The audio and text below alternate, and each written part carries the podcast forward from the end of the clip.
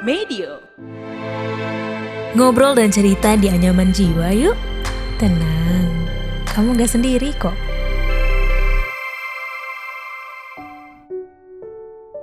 Hai, gue mau nanya sesuatu deh. Kalau orang di sekitar lo merasa bahagia atau sedih, pasti lo juga pernah ngerasain hal yang sama gak sih? Udah gitu, saking sayangnya sama mereka, lo bahkan rela jadi tempat curhat. Pelampiasan amarah, dan pelampiasan sedihnya mereka. Tapi pernah gak sih lo ngerasa capek sampai tertekan pas dijadiin tempat bersandar untuk kesekian kalinya? Bahkan lo sampai jadi stres karena denger cerita-cerita mereka. Kalau lo pernah, berarti bisa jadi lo lagi kena compassion fatigue. Kelelahan berempati itu hal yang wajar banget terjadi. Apalagi buat lo yang selalu terbuka dan jadi rumah untuk orang lain mencurahkan emosinya. Lo sadar nggak mau seberapa kuat diri lo dengar curhatan orang, pasti bakal ada saatnya juga lo ngerasa bener-bener nggak sanggup untuk jadi tempat bersandar. Alasannya, ya karena lo sendiri juga butuh tempat bersandar. Tapi karena terbiasa masang tembok kuat, karena selalu diandelin sama orang lain, lo lupa sama kondisi diri sendiri.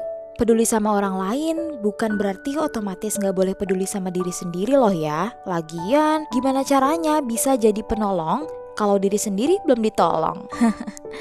Gue cuma mau bilang, kalau lo nggak bisa selalu jadi tempat buat orang lain, kalau lo belum bisa jadi tempat nyaman buat diri sendiri, nggak ada salahnya kok buat mulai bikin batasan pasang kuping buat denger cerita orang lain. Terus, penting buat lo untuk nyisain waktu untuk ngebangun ruang tenang di hati lo. Karena perasaan lo juga valid loh. Gak ada salahnya buat terbuka tentang perasaan lo. Lo juga bisa jujur sama orang-orang yang lo sayang tentang kelelahan lo, kesedihan lo, dan amarah lo supaya mereka juga tahu kondisi lo dan kalian bisa saling ngerti satu sama lain. Yuk sama-sama mulai sayang dan peduli sama diri sendiri dulu sebelum jadi pendengar setia keluh kesah orang lain. Jadi lo bisa tetap berempati sama orang lain, tapi nggak lupa juga sama diri sendiri.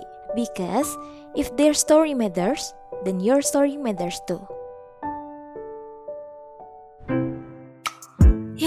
Udah selesai episode kali ini.